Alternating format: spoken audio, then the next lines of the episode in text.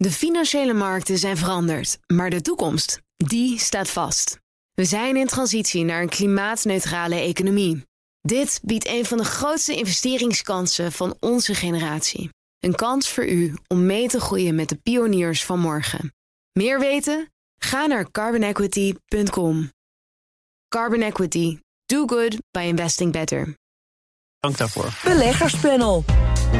Wat betekent de schikking in de apneu-affaire voor Philips? En volgen er nog veel meer? En zorgt de nieuwe renteverhoging van de ECB deze week op het programma mogelijk voor een recessie? Dat en meer bespreek ik in het beleggerspanel. En daarin zitten Jos Versteeg van Insinger Gillissen... en Miri Pietersbloem, Head of Investment Office bij Rabobank... bijzonder hoogleraar Financiële Markten... verbonden aan de Erasmus School of Economics. Welkom. Ja, hallo. Dankje. Ja, ik begin toch even bij jou, eh, Jos. Want misschien popel jij ook al om, om iets te zeggen. Hè, zo ongeveer bij de koffieapparaat. eh, over die supercomputer van eh, Musk, van Tesla, Dojo. Heeft dat inderdaad zoveel potentie? Ja, als je bijvoorbeeld kijkt naar die traditionele autofabrikanten. Als je ziet bijvoorbeeld Volkswagen, hoeveel moeite zij hebben om, om een, een goed softwareplatform neer te zetten. Daar hebben ze enorm veel problemen mee. Dan zie je dat Tesla wel een enorme voorsprong heeft. eh, door ja, eigenlijk te beginnen met het ontwerpen van een computer en er dan vier wielen onder te zetten. En daarmee moeten we denk ik totaal niet onderschatten hoeveel, hoe groot die voorsprong van, van Tesla is.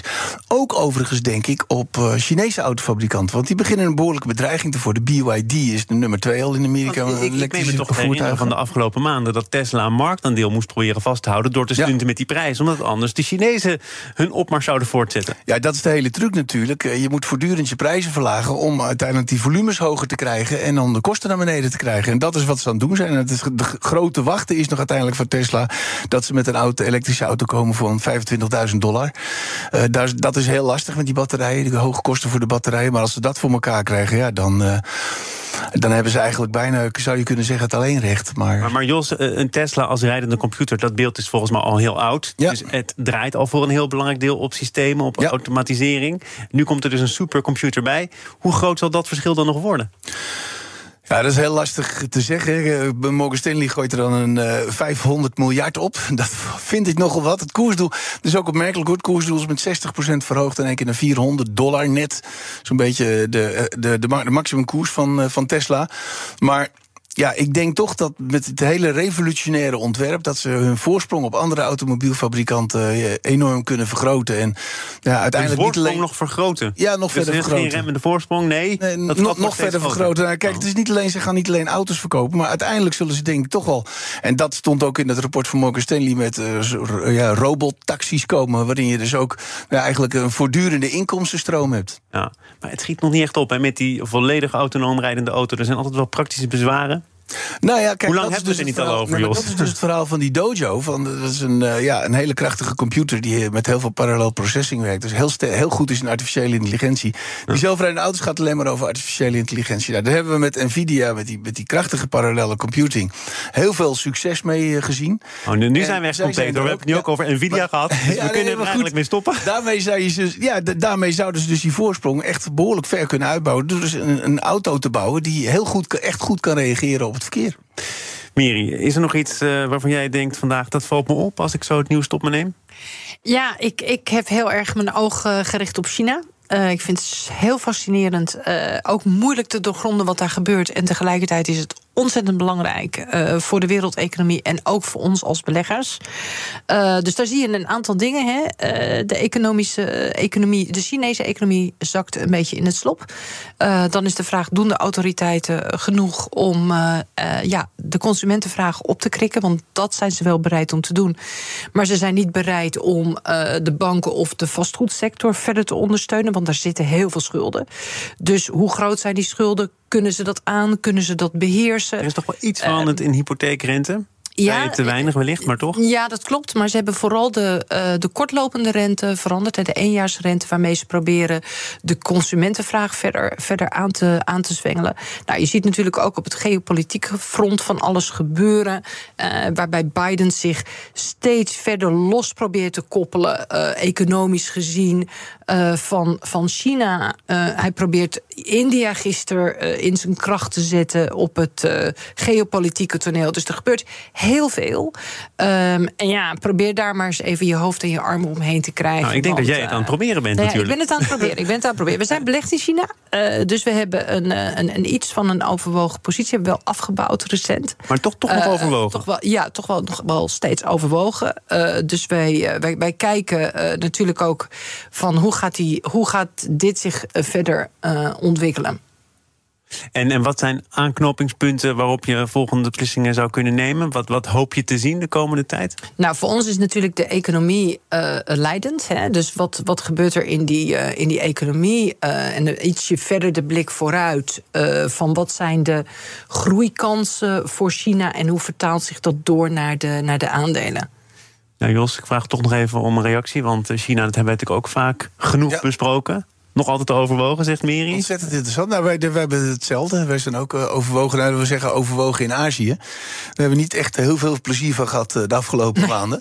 Maar op zich, ja, uh, die problemen met het vastgoed. Ik, ik vind het een grote voordeel van China. Dat vind, zal niet iedereen, uh, iedere Chinees vinden. Maar dat de overheid zoveel macht heeft. En uh, uiteindelijk heel veel dingen.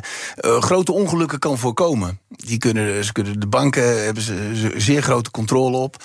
Dus ja, daarmee. Grote denk... ongelukken voorkomen. Uh, we hebben ja, natuurlijk redelijk recent toch nog weer een groot vastgoedbedrijf gehad. Country Garden, dat in de problemen kwam. Ja, ja nou, uh, nou, in de problemen, maar uiteindelijk niet, niet omvalt. Hè. Vanochtend was er nog voor Country Garden het nieuws dat ze weer een tijdje ruimte hebben gekregen van de crediteuren.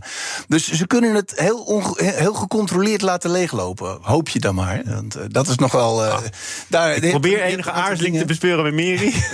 ja, nee, dat is, dat is dus inderdaad gewoon de vraag. Ik, ik denk dat wij daar ook nog steeds op zitten, op dat scenario. Uh, en het nieuws wat me dan vanochtend opvalt, want dat was jouw oorspronkelijke vraag. Oh ja. Uh, dan, las, dan, lees ik ineens in de Financial Times dat, uh, dat de Chinese autosector qua exportvermogen die van Japan gaat overnemen heel binnenkort. En dan denk ik, Oké, okay. uh, ze hebben heel hard zeg maar, gewerkt, die Chinezen. En dan zie je hier het resultaat ineens. Ik vond het verrassend. Uiteindelijk is het heel lastig om Tesla serieus te bedreigen. Heb ik net gehoord van iemand die er kijk op heeft. We gaan naar het, uh, het eigen continent. De Europese Centrale Bank uh, gaat wellicht komende donderdag voor de tiende keer op rij de rente verhogen. Uh, zien jullie dat gebeuren? Zie jij het gebeuren, Jos? Ja, dat vind ik een hele lastige vraag. Ik, die, die, hoe, je, je staat er niet voor het eerst. Moet, denk, ja? We gaan even wat lastig Nee, nee maar, je, maar je moet dan... Je, je ziet het al vaak als je wel of niet. Hè. Kijk, de, de markt schat 35% kans in. Dus die minder dan 50%, dus waarschijnlijk niet, zou je zeggen. Maar aan de andere kant, ja, dan denk ik dat ze het uiteindelijk toch wel gaan doen. Om omdat ze ja, toch heel, heel, heel strak op die inflatie willen zitten. Die inflatie is echt veel te hoog. 5,3 procent, Ja, maar vooral ook als je ziet naar de, wat de inflatieverwachtingen zijn van consumenten. Ik geloof dat de laatste ook van de ECB weer een, uh, een rapport uitkwam. Over drie jaar nog 2,5 procent. Dus dan zie je toch wel dat de consumenten eigenlijk ervan uitgaan dat ze gewoon hun doelen niet gaan halen. Waar moet je, waar moet je dan op sturen? Op wat consumenten van de inflatieontwikkeling verwachten? Of moet je zeggen, kijk ook naar wat de Europese Commissie dacht gisteren nog naar buiten bracht. Uh, inflatie mm. komt in 2024 uit op 2,9 procent. En daarna nog weer iets dichter bij die 2 procent. Is dat nog steeds reden om nu voor de tiende keer die rente te gaan verhogen? Ja, je ziet dat ze toch wel de neiging hebben om uh, heel hard te zijn. Daar hebben we ook een geschiedenis van. Hè. Trichet, die was geloof ik vlak voor de, de kredietcrisis... dat hij de rente nog net eventjes verhoogde. Ze willen gewoon uh, duidelijk zijn van jongens, uh, het is ons menens. En uh, ik denk dat ze dat toch een keer gaan doen. Alhoewel het, de, de markt er eigenlijk vanuit gaat dat het niet gebeurt. Miri, wat denk jij? Ja, ik denk van niet. Uh, ja, ik denk dat als het, wel goed. Uh, ja, goed hè. nee, kijk, het, het, het, debat ligt inderdaad verdeeld. Uh, ook binnen de council, hè, die hierover gaat. Dus het is, geef je voorkeur aan het beheersen van de inflatie... of geef je het voorkeur aan iets temporiseren om te kijken van...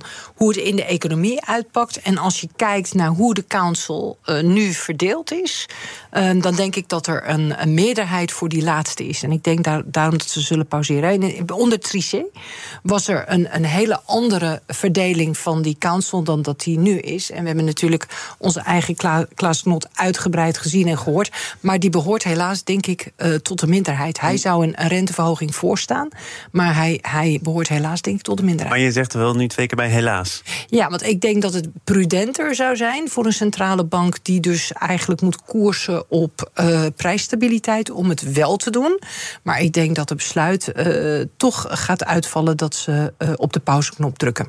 Maar wat kun je zeggen over zaken die de ECB denk ik ook moet meenemen? Namelijk het effect van die tien renteverhogingen, inmiddels negen zijn het er op dit moment op een rij. Hè? Je kunt zeggen dat is nog niet helemaal geëffectueerd. Je weet nog niet precies wat daar op de iets langere termijn de nasleep van, van, van is. Kijk, voor beide kanten valt een heel uh, goed en solide verhaal op te hangen. Uh, dus dat, dat zullen ze ook vast en zeker doen. Uh, wat ze daarna wel zullen blijven doen, uh, is, is sterke woorden uitspreken dat, dat ze nog steeds zeg maar, die inflatie zullen bij. He, dat heet forward guidance, zeg maar, in het monetaire jargon. dus eigenlijk iets harder zijn in je woorden dan in je daden. Precies om, om ook te kunnen zien wat de uitwerking zal zijn op de economie.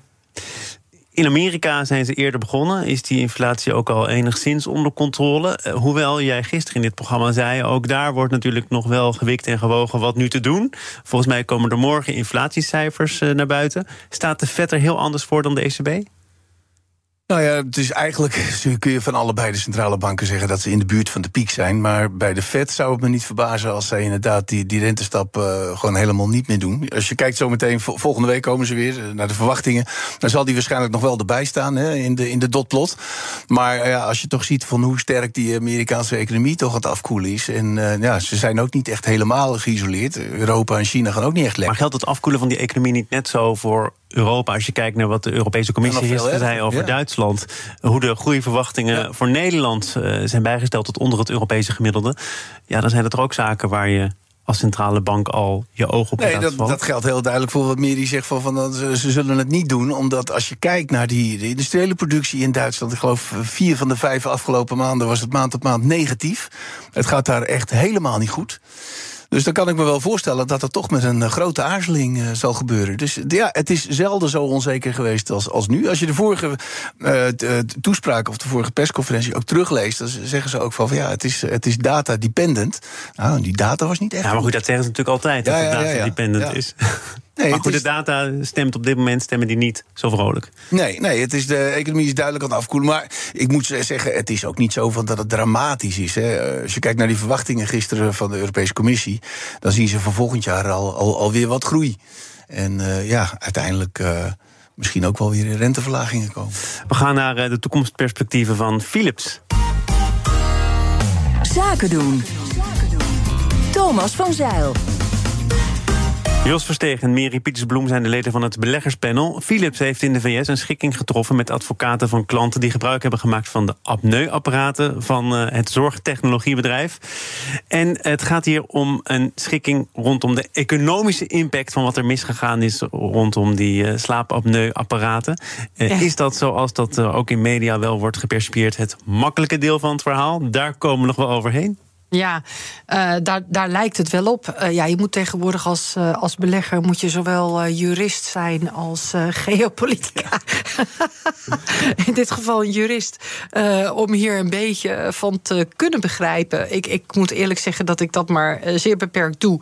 maar dat is inderdaad wat er in de media wordt gezegd. De economische schade. Dus gewoon mensen die hebben dat apparaat gekocht, kan ik me dan zo voorstellen. En het werkte niet. En hebben daardoor extra dollars bij moeten, moeten want dit speelt dan uh, met name dan in Amerika, uh, denk ik.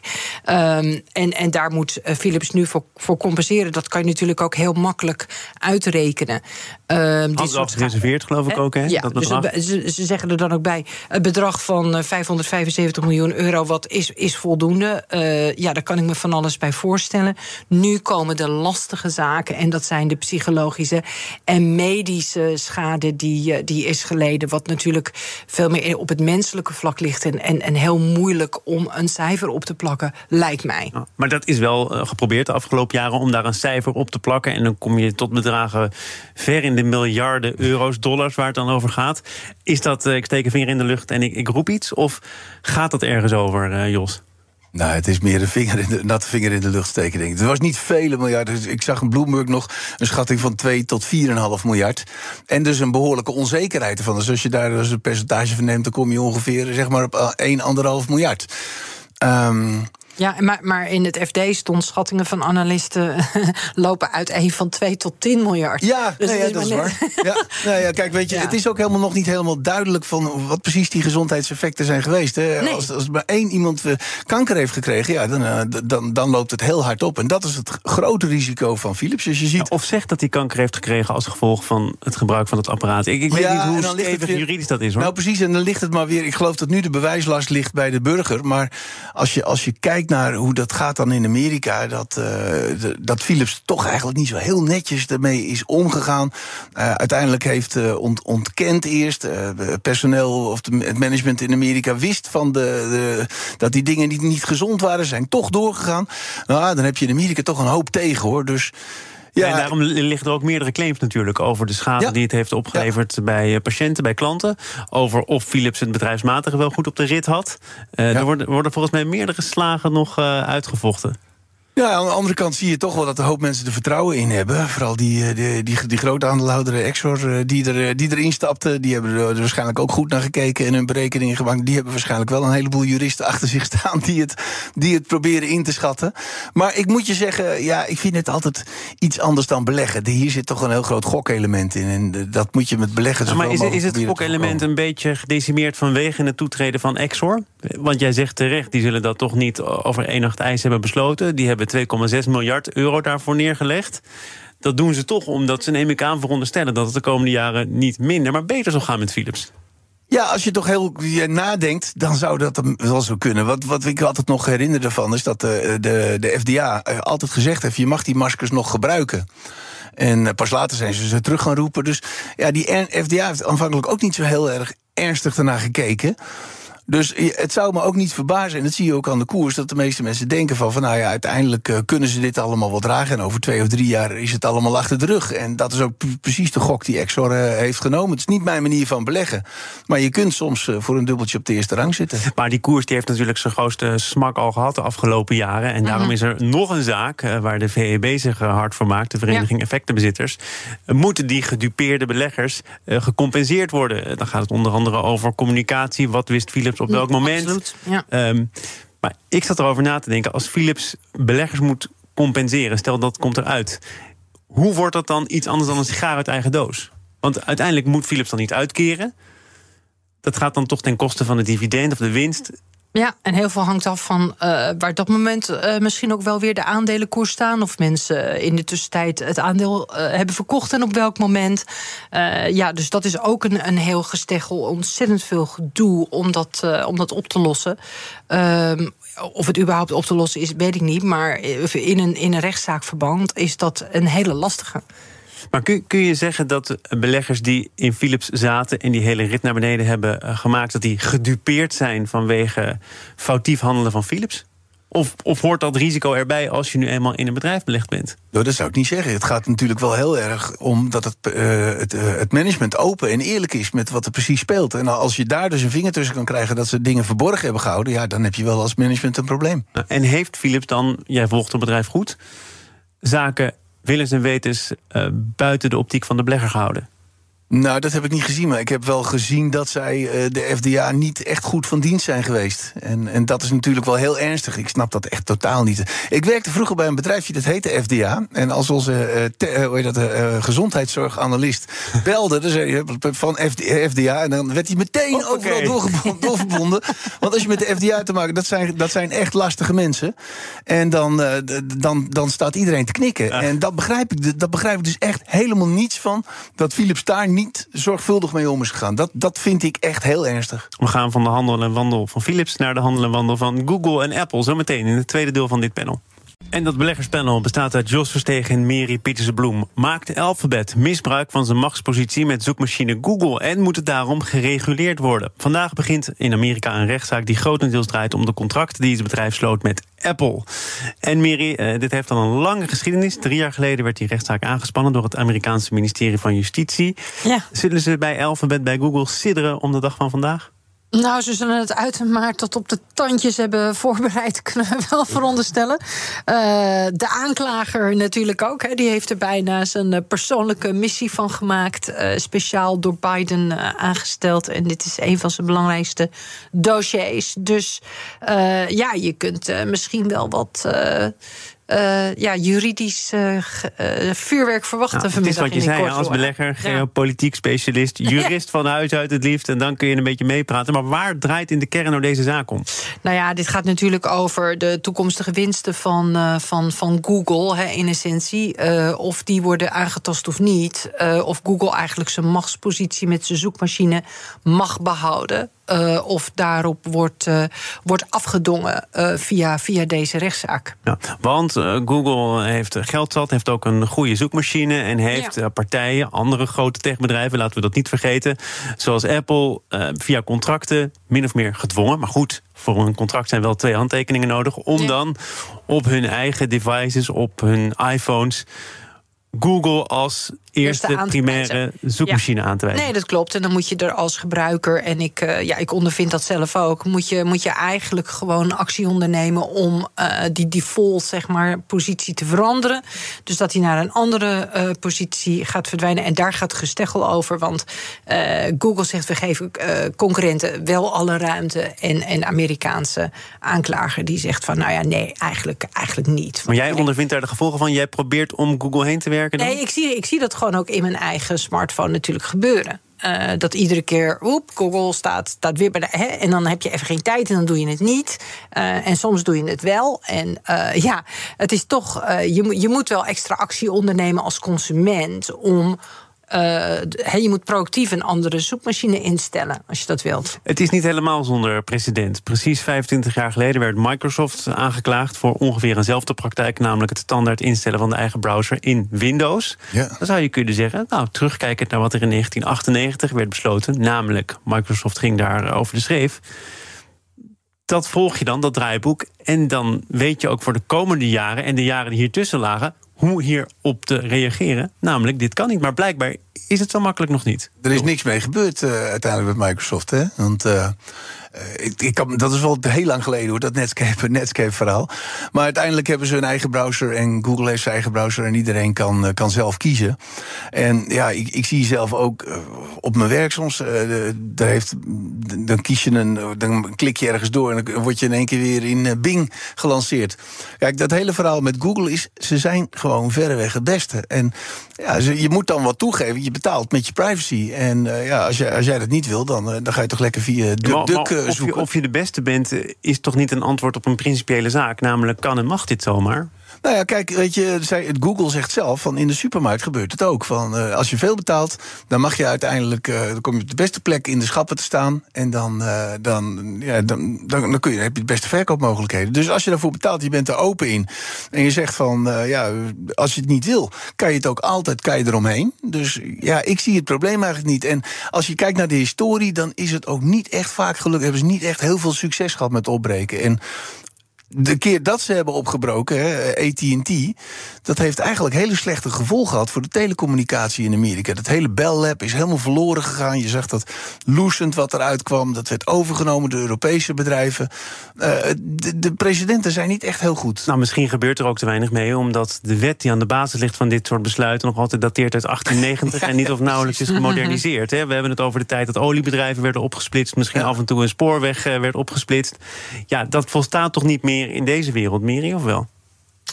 Uh, nou, je zou denken uh, van, niet. Tegelijkertijd heeft zo'n Google natuurlijk wel ontzettend veel macht. En uh, de Biden-administratie probeert wat van die macht af te dingen. Want ja, het is. Um, en die Google heeft ook bijvoorbeeld ontzettend veel datagegevens van personen, kunnen daar hun advertenties uh, op, uh, op afstemmen en, en al dat soort zaken. En ja, de machtspositie van zo'n Google, maar ook van andere bedrijven. Hè? Want dit is wel zeg maar een, een voorbeeldcase die dan ook weer doorgetrokken zal uh, worden naar andere bedrijven. En daar is het natuurlijk beleggers om te doen.